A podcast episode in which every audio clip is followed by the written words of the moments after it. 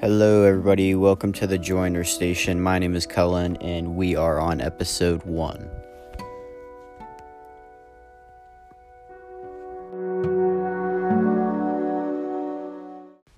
Today, we got a pretty interesting one. It's about a young American soldier, goes by the name of Llewellyn Morris, also known as the real Rambo.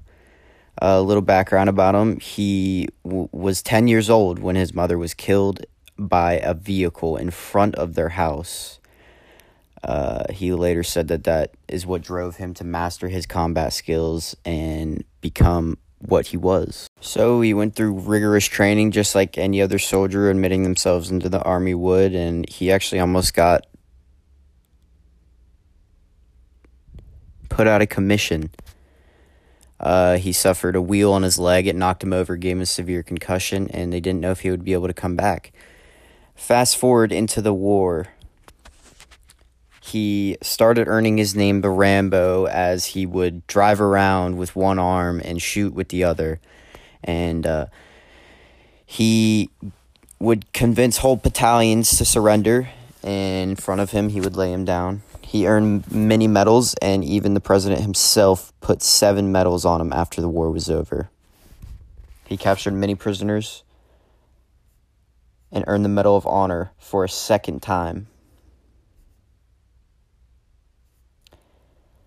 Going into war, he was shot in one arm and he continued to fight in the battle and never gave up.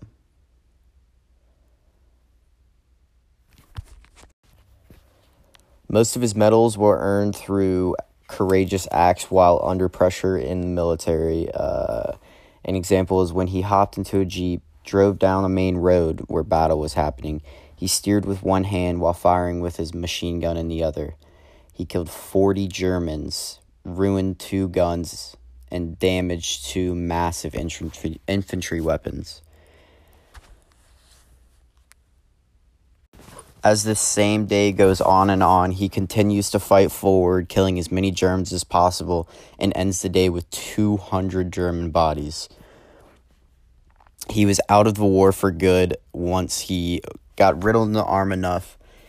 He couldn't go any further anymore, and when he got back to the United States, Harry Truman himself pinned seven medals on him, including the Legion of Merit.